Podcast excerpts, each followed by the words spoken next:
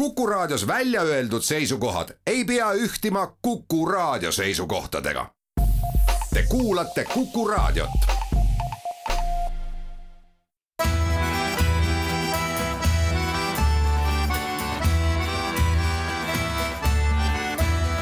Kirillitsas Eesti tere päevast, head raadiokuulajad, eetris on Kirillitsas Eesti, saatejuhiks Pavel Ivanov ja hea meel stuudios tervitada Eduard Odinetsi tervist! ja Jevgeni Kristofovitšit. tere, tere! Eduard Odinets on meil sotsdemmidest, Jevgeni on meil Reformierakonnast, mina olen saatejuht aga siiski räägime mõningatest poliitilistest asjadest, mis, millest tahaks nagu selgust. ja alustuseks võib-olla nii palju, et äh, räägime sellisest äh, üldlevinud teesist, mis on viimasel ajal seoses äh, Ukraina sõjaga hakanud aina rohkem ja rohkem levima kontekstis, mida kujutavad ette, endast ette need inimesed, need venemaalased, kes on ühel või teisel põhjusel ja ühel või teisel moel põgenenud oma kodumaalt ja otsivad elupaika, ei oska täpselt öelda, kas siis alalist või siis ajutist, aga siiski läänes, ja sel teemal kirjutas üks tuntud vaatleja Jelena Sarokina, ta kirjutas äh, portaalil Svoboda sellise teksti, mille pealkiri minu meelest määrab absoluutselt kogu selle temaatika, et võõrad Euroopas äh,, Jelena Sorokina venelastest kui ohust. ja loomulikult jutt käib, on ajendatud ikkagi sellest, et mis on ka Eestis, et me ausalt öeldes meil ei ole ühtset seisukohta, ei ole ka vastust küsimusele, kuidas me neid tõesti äh, tõlgendame, kuidas me neid vastu võtame, kas me võtame neid üldse vastu, ei võta neid vastu, kui võtame, siis mis tingimustel ja üldse nii palju küsimusi on seoses sellega, ühest küljest põrkuvad kokku nagu humanitaarküsimused, teisest äh, võimalikud julgeolekuohu küsimused,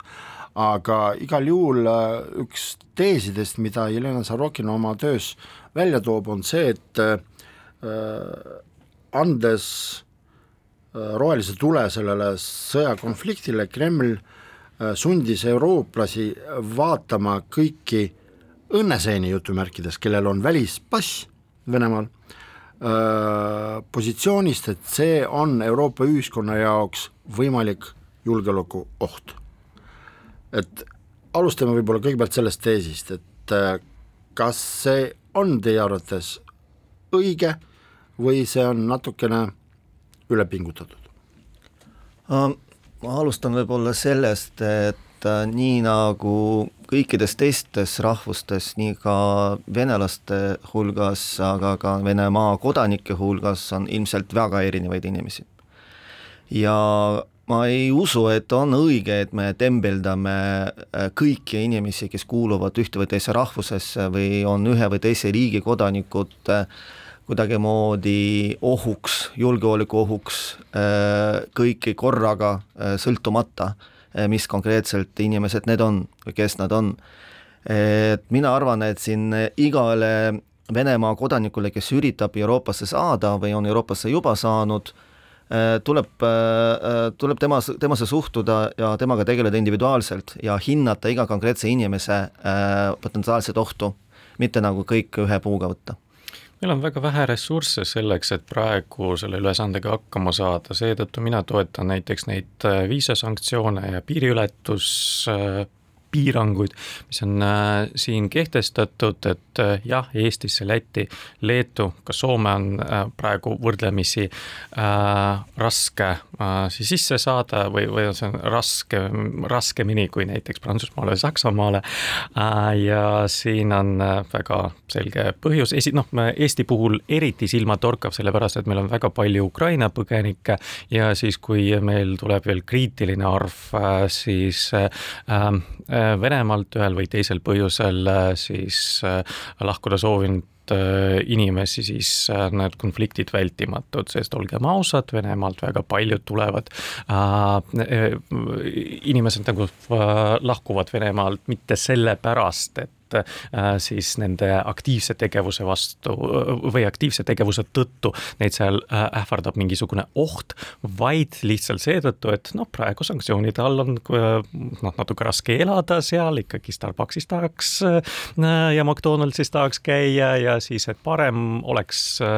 kusagil nagu mujal oma raha kulutada.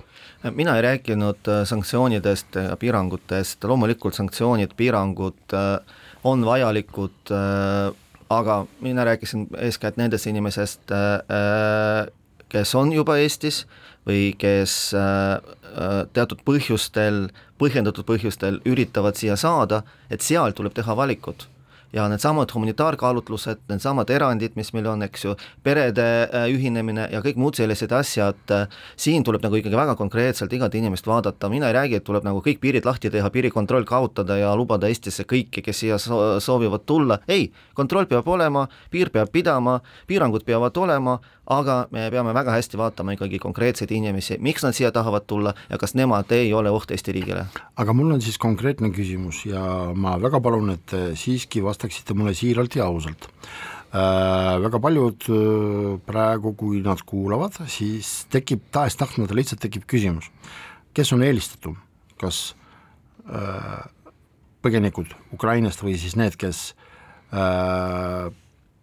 kirjeldavad ennast kui Ukraina põgenikeks või siis Venemaalt ka teatud põhjustel põgenikud? Äh, ausalt ja siiralt, no me, me, me ei saa siin ju eelistusi paika panna, eks ju. Need inimesed, kes on Ukraina põgenikud, need, äh, nendele meie, äh, meie riik on avatud. me anname neile kaitse, me võtame nad siin vastu, tegeleme nendega ja,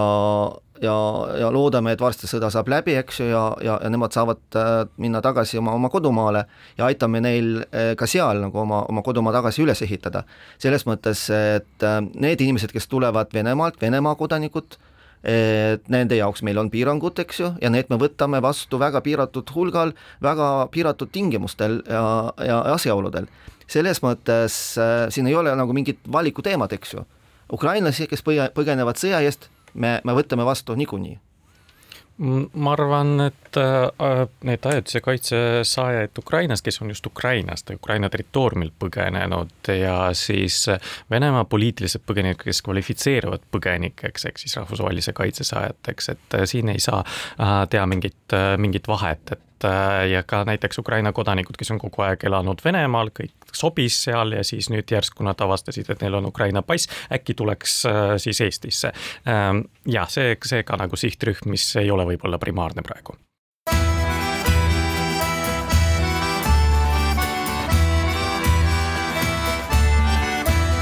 Kirillitsas Eesti. Jätkame saadet ja veel räägime nõndanimetatud teesist, et Äh, Venemaa venelased on äh, võimalik julgeolekuoht Euroopa jaoks. Ja Jelena Sarokina, kellest me juba rääkisime, kes kirjutas väga pika loo sellest, äh, tema jagab neid probleeme kolmeks, esimene on majanduslik probleem, mis on nagu iseenesest nagu selge, et põgenikega kaasnevad ootamatud väljaminekud, teine oht on poliitiline, sellepärast et ei ole selge, kas kõik need inimesed, kes näiteks Venemaalt pagevad, et kas nad on tõesti siirad oma poliitilistes äh, põhjustes. Ja kolmas, see on nagu sõjaline oht, et äh, sellepärast, et äh, näiteks äh, ei ole kindlad ka selles, et äh, kes milliste kavatsustega, kavatsustega äh, Euroopa riikidesse tuleb, aga nüüd siis viskume ümber meie Eesti oludesse. Ja väga paljud on äh, võrrelnud seda mõtet, et äh, peaks nagu piirama hääleõigust äh, Venemaa kodanikele siin kohalikel valimistel, just nagu nendesamade mõningate arvates mütologiseeritud ohtudega ja on võrreldud isegi, et see on nagu mingi võitlus Vene kodanike vastu siin Eestis et äh, alustaks võib-olla sellest, et kui me räägime võitlusest, tegelikult sõna võitlus ei ole minu poolt välja mõeldud, sellepärast et tuletame meelde, et näiteks Kristen Michal on rääkinud, et see on võitlus putinismiga, et jaotame nüüd need asjad äh, kolme lahtrisse, kas see, et me keelame näiteks kohalikel valimistel Venemaa kodanikele hääletada, kas see on võitlus putinismiga, kas see on võitlus demokraatiaga või see on valimiseelne võitlus? No selles mõttes need asju jällegi seostatakse ja pannakse ühte patta, need Venemaa põgenikud või praegu Venemaalt tulevad inimesed, nende, nende inimeste arv ja, ja Eesti kohalikud valimised, ma lihtsalt tuletan meelde, et Eesti kohalikel valimistel saavad hääletada äh, ainult need inimesed, kellel on pikaajaline elamisluba Äh, Eestis, eks, see tähendab, nad on juba siin päris pikalt elanud, enne kui nad selle elamisluba said. et siin räägitakse hästi palju ka ukrainlastest, et kuidas nemad nüüd kohe hakkavad hääletama, muudavad meie omavalitsusi ukrainakeelseteks, äh,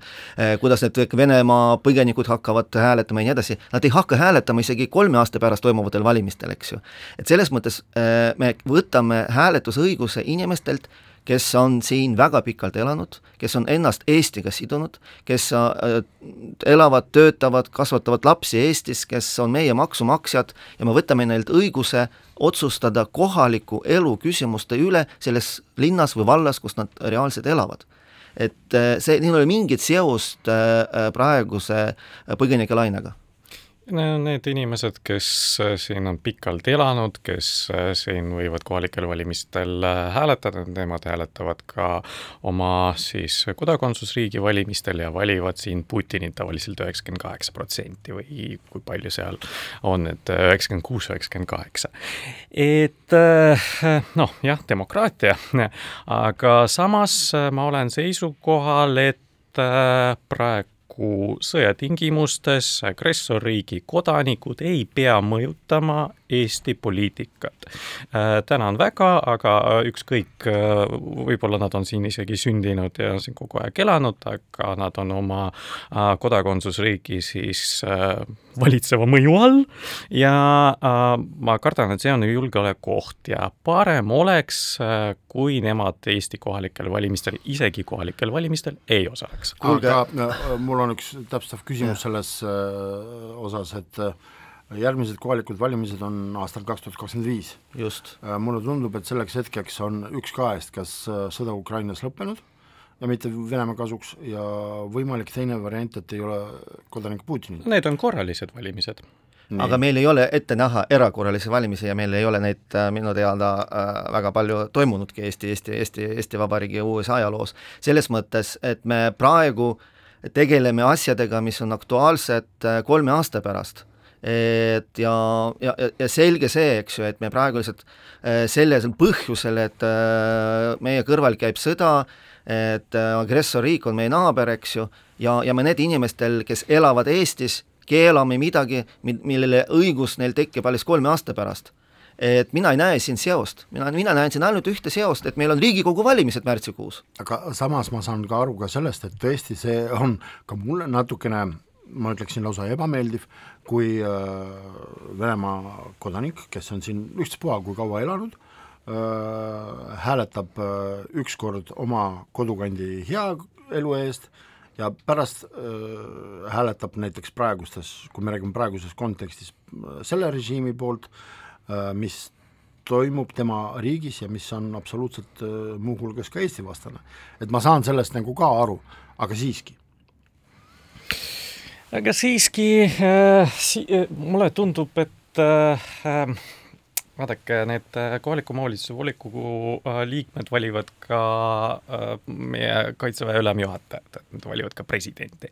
et see ei ole normaalne, vabandust, et Putini alamad neil siis kaudselt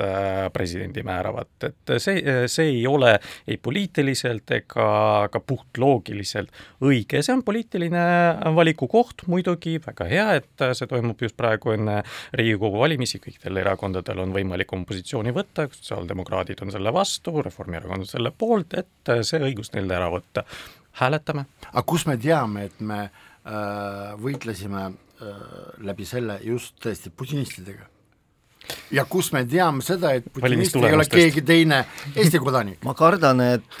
et selline retoorika, et, et te vastutate äh, selle riigi käitumise eest, mille, mille alamad te olete, mis siis, et te elate siin ja panustate meie kohalikusse ellu,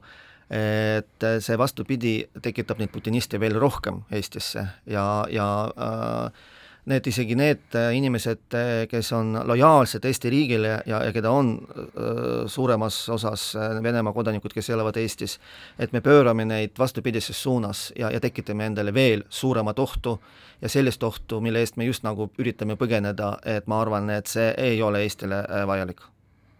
ei, ma nii ei arva, sest eh, noh, ma, me näeme neid eh, Venemaa valimistulemusi, eks ole, siin, et kuidas siin, siinsed Venemaa kodanikud hääletavad, et me enam-vähem nagu teame sotsioloogilistest uuringutest, mis on nende meelsus, et ja võib-olla need uussisserändajad, eks ole, Venemaalt on natuke teistmoodi meelestatud, et ma ei tea mida me tegelikult ka ei tea lõpuni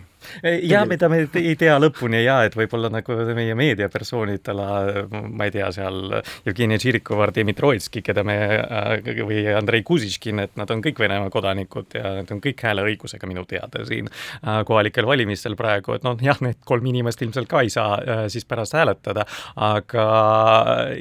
koos nendega veel kolmkümmend tuhat siis ei saa hääletada, kes on ma, läbi ja lõhki ma väga tahaks, et, et kolleegid pööraksid Äh, oma energiat ja suunaksid oma energiat pigem sellele, et teha nendelt, nendest Venemaa kodanikest Eesti kodanikud ja panustada oma energiat, ressursse ja, ja sõnavõtte äh, sinna suunas,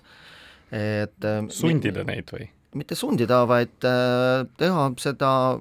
mugavaks, motiveerida neid selleks Äh, luua, luua selleks tingimused, et nad saaksid täita tingimused ja, nii edasi, et, et sinna me peame panustama, me peame näitama äh, ka, ka omalt poolt äh, sellist äh, avatust ja, ja, ja tere tulemast poliitikat äh,, mitte, mitte vastupidises suunas lükata neid inimesi, ei, me ei taha teid, me ei usalda teid, te olete meie oht, te valite kaudselt meie presidenti, seda me ei saa endale lubada ju, te olete kõik putinistid, te olete kõik äh, Euroopa vastu. Äh,, siin on vaja nagu ikkagi otsustada, kuidas me suhtume nendesse inimestesse, kes on meie endi inimesed. Keskerakonnale Vladimir Svet tõi enda viis punkti, et miks see mõte ei ole eriti hea. esiteks ta mainis seda, et ei tohi inimesi diskrimineerida kodakondsuse järgi, teine põhjus äh, on see, et äh, võib-olla just see, mida sa praegu ütlesid, Eduard, et et võib-olla peaks kuidagimoodi äh, Äh,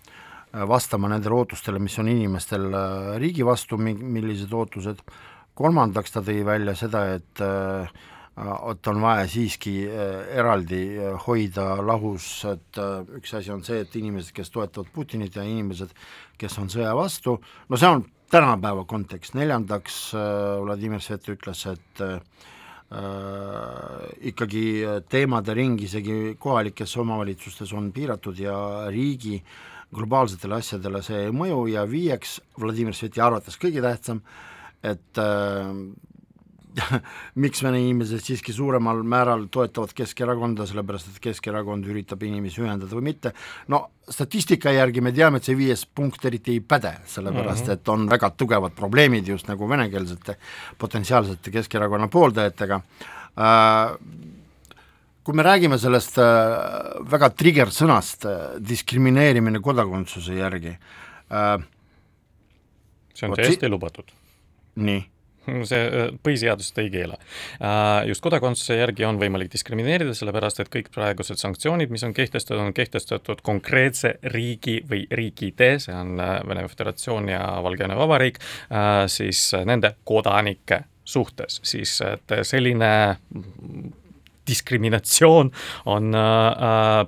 siis juriidiliselt, juriidiliselt ikkagi äh,, ikkagi lubatud. mis äh, puudutab neid äh, Sveti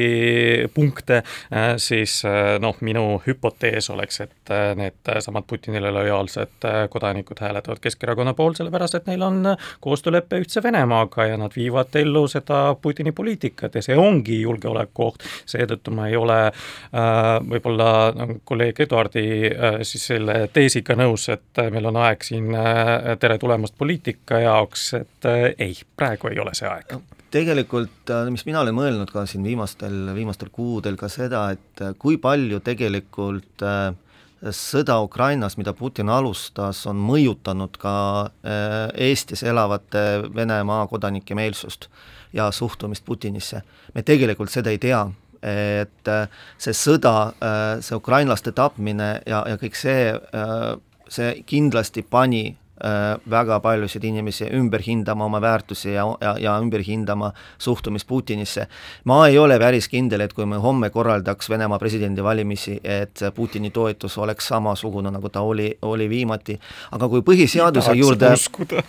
aga kui põhiseaduse juurde tagasi tulla, siis äh, äh, kõigil nendel ideedel võtta valimisõigus ära või peatada valimisõigus, mida iganes, äh, minule tundub, et see ei ole kooskõlas meie põhiseadusega, mis annab õiguse kõikidel püsivalt elavatel inimestel hääletada kohalikel valimistel, sõltumata kodakondsusest. selles mõttes siin ma näen küll põhiseadusvastasust. väike mõttepaus ja pärast tuleme eetritöö juurde tagasi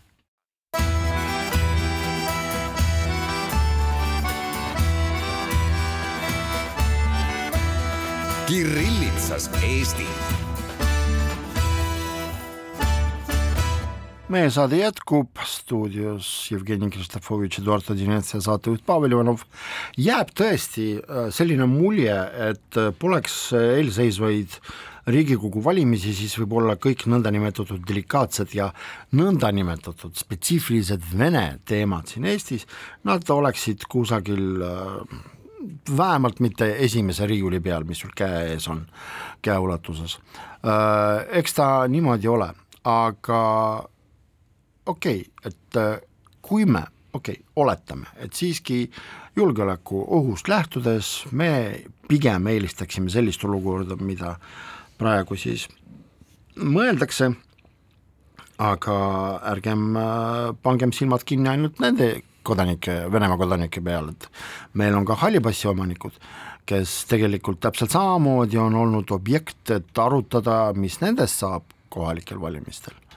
et äh, tahaks teada, milline on teie seisukoht selles moes. ühest küljest ma toetaksin, mida ütles Eduard, et tõesti riik peaks tegema, et neid muuhulgas, ma ei oska öelda Venemaa kodanike suhtes, aga halli passi omanikke, et nemad võiks tõesti suuremas mahus trans-, transformeeruda sinise passi omanikeks teisest küljest järjekordselt meil on me kõik tuleme passid nüüd punased.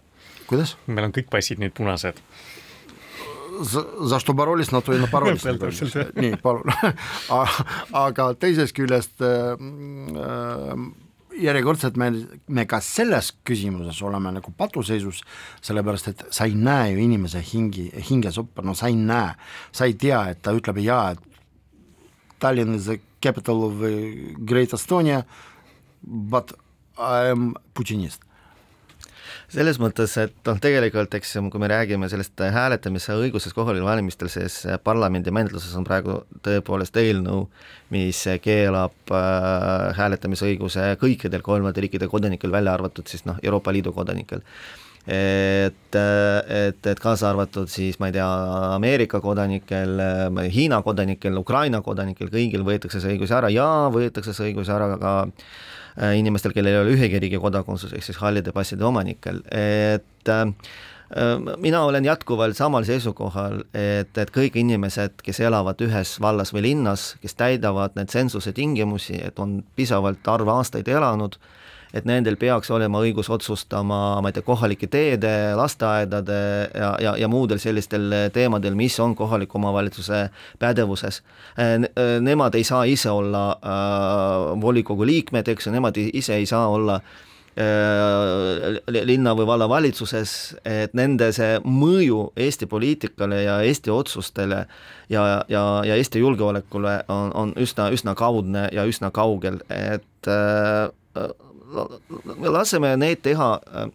mitte, mitte tekitada neist täiendavaid vaenlasi meile, vaid pigem äh, hoiame need sõpradena ja tõepoolest panustame sellesse, et neist saaksid Eesti kodanikud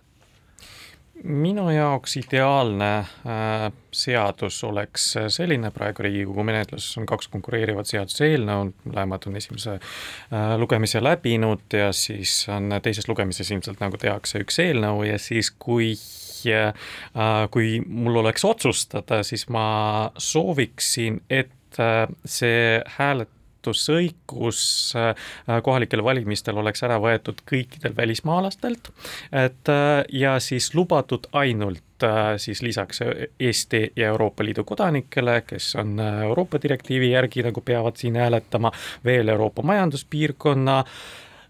riikide kodanikele, NATO liikmesriikide kodanikele ja veel võib-olla mingisugune heade riikide nii-öelda nimekiri seadusega kehtestatud, näiteks Jaapan, näiteks äh,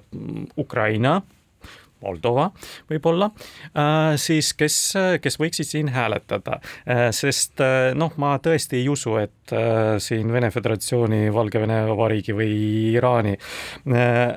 riigi siis kodanikud või Sudaani või Põhja-Korea peaksid, peaksid hääletama, aga mis puudutab neid määratlemata kodakondsusega isikuid, kuulge, olgem nüüd ausad, et kui Venemaa kodanike puhul võib veel rääkida, et neil on raske, juhul kui nad otsustavad siis Eesti kodanikeks saada, neil on raske siis Vene Vene kodakondsusest loobuda selleks, et täita neid tingimusi äh, ja äh, astuda Eesti kodakondsusesse. mis puudutab neid määratlemata kodakondsusega isikuid, kes on kolmkümmend aastat on määratlemata kodakondsusega, siis see on poliitiline valik. nii, aga äh, siinkohal me jõuame nii kaugele, et ma olen nõus, et seda kuidagimoodi tõesti võiks ja peaks võib-olla reguleerima, see, mis puudutab halli passi omanikke, aga ma seaks üles väikeseid tingimusi just nagu sellest äh, riigi, lähtudes sellest äh, seotusest riigiga ja ootustest riigi äh, sidususe osas, et siin peaks kuidagimoodi no niivõrd targalt kommunikeerima seda nendele halli passi omanikele, et kuulge, et надо определиться, nagu Gorbatšov omal ajal rääkis, et aga, aga seda pole ka kolmekümne aasta jooksul tehtud seda, kord, kui te mäletate, siis pakuti mingisuguseid äh, hüvesid selle eest, et sa saad äh, Eesti kodakondsuse, äh, nii ja naa, et eks ole, et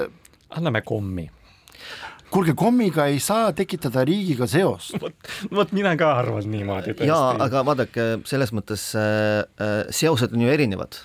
on äh, äh, poliitiline seos, eks ju, majanduslik seos, on äh, selline mentaalne seos ja nii edasi, et äh, noh, me, me, me tegelikult ju näeme ja ka uuringud näitavad, et et äh, ikkagi tohutu number neid inimesi, kellel ei ole Eesti kodakondsus, on ikkagi väga, vägagi meie inimesed ja vägagi meiega seotud. Äh, ma, ma ei tea, millisest teisest eelnõust Jevgeni rääkis, aga minu teada on Riigikogus ainult üks eelnõu menetluses, mis käsitleb hääletamise õigust äh, kohalikel valimistel ja samas ma ei kujuta ette, et nüüd Riigikogu hakkab, ma ei tea iga aasta jaanuarikuus kogunema ja otsustama, millised riigid on head, millised riigid on halvad, vaatama, et millised, millised parteid kusagil kuskil võimu juurde on tulnud, eks ju, et ja, ja nii edasi, et see on minu jaoks totaalne nonsenss.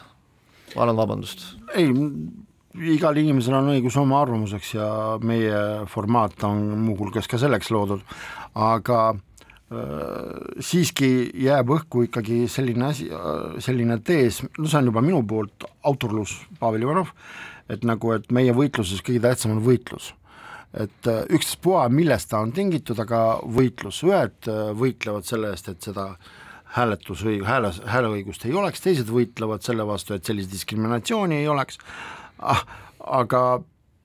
lõppkokkuvõttes on ju veel üks asi, mis on sel nädalal välja tulnud, et äh, muuseas, täna on ajalooline päev. Teatud mõttes, sellepärast et täna, kümnendal novembril aastal kaks tuhat kakskümmend kaks esmakordselt опять-таки, за что боролись, на то и напоролись, Jevgeni, miilitsapäev ja palju õnne kõikidele, jah. aga siiski äh, täna justiitsminister Lea Danilson-Järg esmakordselt äh, Kohvi plussi eetris, ETV Plussi kanalil ütles, et millised siis on need nõudmised nendele inimestele, kes on otsustanud kandideerida kohalikel omavalitsuses äh, ja lähtudes oma eesti ehk siis riigikeele oskusest. ja me saime esmakordselt täna teada, et nõudmine on äh, kategooria B1. no ma küsiksin teie käest, B1, et öö, äh,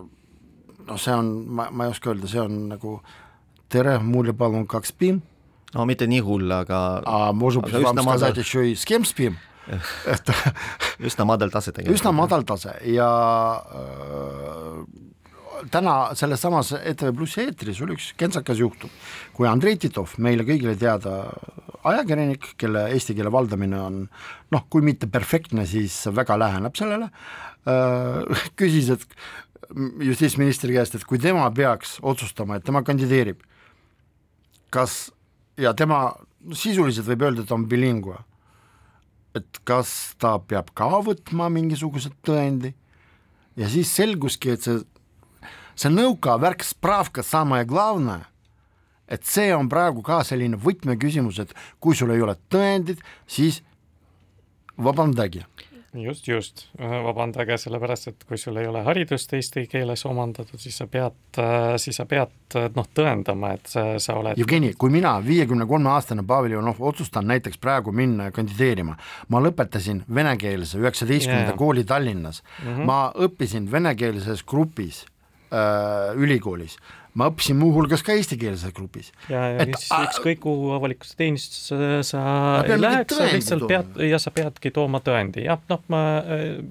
no nii on. ei pea ma, tooma aga... tõendi, peab oskama eesti keelt aga see peab olema tõendatud. Цитат. Тем, кто получил образование на эстонском языке, будет достаточно подтверждающего это документа. ehk siis dokument. ja haridus, hariduse omandamise tõend ehk siis diplom ja, või siis eesti keele oskuse mingisugune. kuulge, aga mis me teeme nende Eesti poliitikutega, kes on saanud omal ajal hariduse näiteks endise Nõukogude Liidu piires? hakkavad sooritama B1 taseme eksamit selles mõttes, et see ongi küsimus selles, eks, et sa, sa isegi, see B1 on üsna elementaarne ja, ja, ja, ja seda on vaja ju ka näiteks kodakondsuse saamiseks või, või, või pikaajalise elamisloa saamiseks. et inimesed teevad neid eksameid äh, ja, ja, ja, ja, ja see tõend, eks ju, et ega mis, minu jaoks küsimus on selles, mis juhtub siis, kui hiljem volikogu töö käigus äh, tuvastab keegi, et tegelikult see tase ei ole B1, et jah, eksam sai sooritatud, miinimumpunktide arv mingi kuuskümmend sajast võimalikust ja nii edasi, aga tegelikult seda keeleoskust ei ole, et piisavalt volikogu töös osaleda, mis siis on, kas mm -hmm. mandaat võetakse ära, rahvahääled äh, tühistatakse või, või mis sellest saab? et ja, ja samamoodi see hariduse nõue Eestis juba üle kümne aasta, kõik inimesed, kes lõpetavad kooli Eestis, sõltumata nende emakeelest või mis keelest nad, neil mingi ained on koolis olnud, kõik lõpetavad eestikeelse kooli et selles mõttes me, me jälle karistame neid inimesi, kes on noh, pisut vanemad kui ma ei tea, nelikümmend, viiskümmend, eks ju.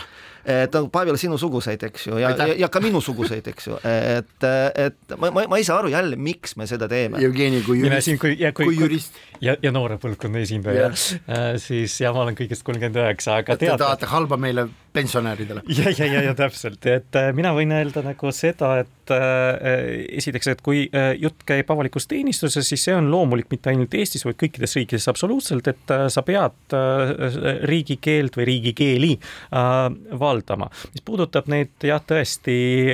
valituid siis saadikuid, et selle kohta on olemas juba Riigikohtu põhiseaduslikkuse järelevalve kolleegiumi otsus, ma ei mäleta, mis aastast, aga see on rohkem kui kümme aastat vana juba ja see, see otsus ütleb väga selgelt, et see on põhiseadusvastane, siis kehtestada mingisugused keelenõuded need valitud äh, volinikele. see EKRE eelnõu suure tõenäosusega on populism, see ei ole võimalik. noh, küll äh, siin mängitakse mõttega, et on võimalik ka põhiseadust muuta, no vähemalt praeguse põhiseadusega ei saa need äh, keelenõuded kehtestada ja suure tõenäosusega ma kardan, et ei ole võimalik ka niimoodi põhiseadust muuta, et nendele valitud äh, volinikele siis seda kohustust tegelikult panna. EKRE eelnõu on menetluses ja seal on C1 tase, Pavel rääkis justiitsministri ettepanekus, et see võiks olla B1 tase, justiitsminister on see Isamaa erakond ja seal ei ole ühtegi eelnõud veel tulnud. esiteks, ja Riigikohtu lahend ei räägi sellest, et ei tohi olla keelenõuded, riigis äh,, Riigikohtu lahend räägib sellest, et äh, valimiste seaduse, seaduses ei saa viidata keeleseadusele, see on see murekoht.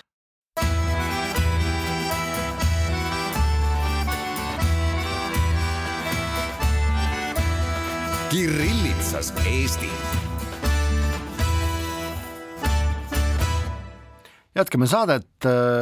tegelikult kui rääkida nendest keeleasjadest, siis Eduard, sina eile äh, avaldasid oma väga minu meelest äh, sarkastilise arvamuse avalikult esinedes, rääkides üldse nagu tegelikult sellest äh, mitte ainult B1 kategooriast, vaid üldse rahvasaadikute oskusest väljendada oma mõtteid eesti keeles ja seekord minu meelest sinu jutt ei käinud äh, mitte eestlastest saadikute kohta, vaid ka ütleme niimoodi etniliselt puhastest eestlastest, kelle väljendus äh, nii suuliselt kui ka kirjalikult tekitas ja tekitab sinus teatud küsimusi? jaa, et ma esinesin sellel samal C1 teemal tegelikult ja ise olles kas C1 või B1? Ja ise, ja, ja ise, ja ise olles äh, hariduselt ka eesti keele õpetaja, et äh, ja see, mis ma parlamendiliikmena parlamendisaalis äh, väga tihti kuulen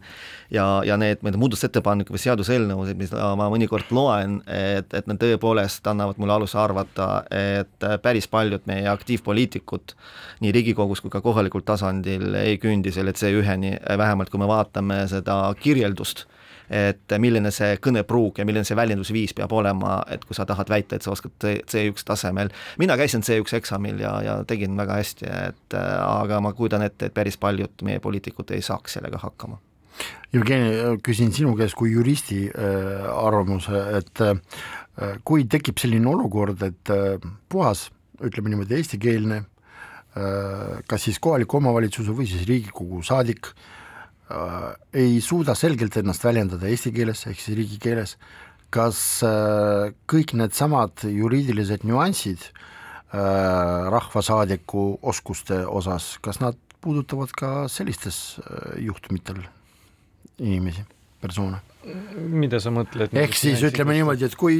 Eduard Odinets kui linna, Kohtla-Järve linnavolikogu esimees tunnetab, et üks või teine inimene, kes on eestlane mm., räägib niisugust möla, vabandust väljendi eest, et ei saa aru ei eesti, ei vene ega inglise keeles. protseduuriline küsimus. ja protseduuriline küsimus. kas äh, protseduuriliselt saab tema suhtes rakendada mingisuguseid juriidilisi mm. akte, et kutsuda inimene äh, kas korrale või tagasi? ei, ei, ei, ei, see noh, ma, ma siin mängin Mart Helmet, kes äh, täna äh, ka karjus Riigikogu saalis, et mandaat on vaba. et äh, see on vastuolus äh, demokraatia põhimõttega, õigusriigi põhimõttega ja lõppkokkuvõttes ka põhiseadusega, et inimestel, kellel on mandaat, et ta võib istuda äh, volikogu saalis ja vastata kõikidele küsimustele, ei kommenta kommentaari, nagu see meil ka oli Tallinna linnavolikogus. ja äh, no, no nii lihtsalt on, äh, et äh, siis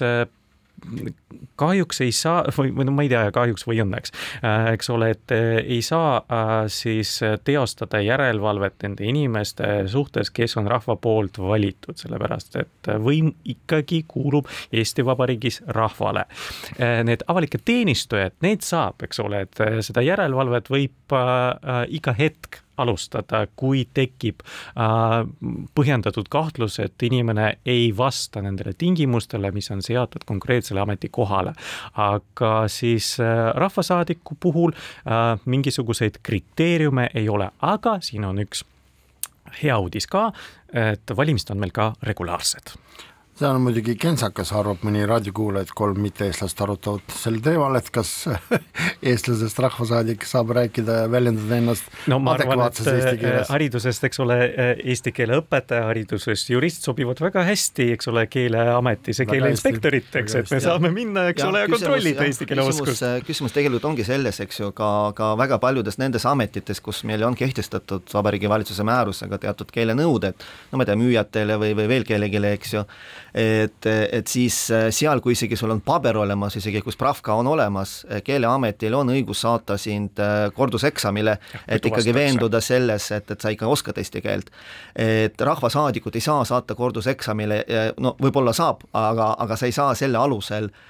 nõuda temalt tagasiastumist või tema volituste peatamist või, või nagu ma ütlesin enne, et rahva häälte tühistamist, mis talle on antud. et seda me ei saa teha. Äh, ja, ja, ja isegi kui see justiitsministri idee, eks ju, et me koos kandideerimisdokumentidega esitame äh, lõpp, kooli lõputunnistuse koopia või, või, või B1 taseme tõendit, see ei tähenda seda, et reaalses olukorras volikogu saalis inimesed ikkagi saavad aru. ja, ja, ja see küsimus isegi võib-olla mitte arusaamises, vaid küsimus on äh, esinemises. et ja, ja need on kaks asja, mida tuleb äh, lahus hoida et ma usun, et kõik saavad aru sellest ja mina väga toetan seda, eks ju, et töökeel kohalikus volikogus on eesti keel. meil -hmm. dokumendid käivad eesti keeles, kõned käivad eesti keeles, aga see, kas, äh, kas mõni rahvasaadik saab aru või ei saa aru, kasutab isiklikku tõlki või Google Translator'i, et see on tema ja tema valijate otsus ja, ja, ja siin ma nagu äh, väga ei sekkuks ja ma näen oma kolleege Kohtla-Järve volikogus, muidu Pavel, ma ei ole volikogu esimees, volikogu liige olen. vabandust, jah ja,. et ma näen kolleege, kes päriselt tõlgivad, kes süvenevad nüanssidesse, kes teevad suurepäraseid muudatusettepanekuid eesti keeles et nad teevad tööd tekstidega ja miks me peame sellelt inimeselt mandaadi ära võtma, kui tema kõrval istub inimene, kes on lõpetanud Eesti kooli, aga kelle kõnepruugist mitte keegi aru ei saa, ei valija ega tema ise kui rääkida Kohtla-Järvest, siis äh, Eduard, kasutades võimaluse, et sa oled meil täna siin stuudios külaline, ma pool huumoriga küsiksin su käest, kas see, et üks kandidaat äh, Kohtla-Järve linnapea kohale, kolmekümne seitsme aastane Virve Linder, äh, kes töötab projektijuhina Viru vanglas, kas sellel on semiootiline tähendus, sellel võimalikul kandidatuuril, et umbes nii, et есть Guruprava, а есть tšürma ja meil on olemas projektijuht no selles mõttes Kohtla-Järvel ja vanglal on jah, väga palju ühist äh, viimase, viimase kuu jooksul, et, et noh, suurem osa linnavolikogu liikmetest ja pool linnavalitsust, eks ju, on, on, on seal vanglas korra, korra ära käinud, eks ju, ja ja tõepoolest äh, hetkel ainus kandidaat linnapea kohale äh, on, on, on Virve, kes, kes kes töötab vanglas ja, ja tõepoolest see on saanud juba äh, tänapäeva folkloori osaks äh, isegi see poolteist päeva, millal ta kandidaat on. no siin et, nagu öeldakse, isegi välja mõelda pole vaja, see on ja, niivõrd jah, et me vahetame kaadrit nii-öelda. vangla on väga selline äh, rahulik äh,, vaikne koht, isegi kui kõnnid seal ikkagi istud, et ja siis no, tore, eks ole, et inimesed äh,, inimesed teevad selliseid äh, karjäärivingerdusi ja eks siis Kohtla-Järve äh, linnavolikogule, ma arvan, et Eduard, kes on aastaid seal töötanud, toetab minu arvamust, et üks korrektsioonisüsteemi kogemusega inimene ei teeks seal halba. Vene keeles on üks väga hea vanasõna, et tüürme, et Sumõi. Sumõi ja Türmõi. aga sellega on meie tänane saade läbi, tuletan meelde, et stuudios olid Eduard Denets, Jevgeni Kristofovitš, saatejuht oli Pavel Ivanov, aitäh kuulamast ja kohtume nädala aja pärast taas.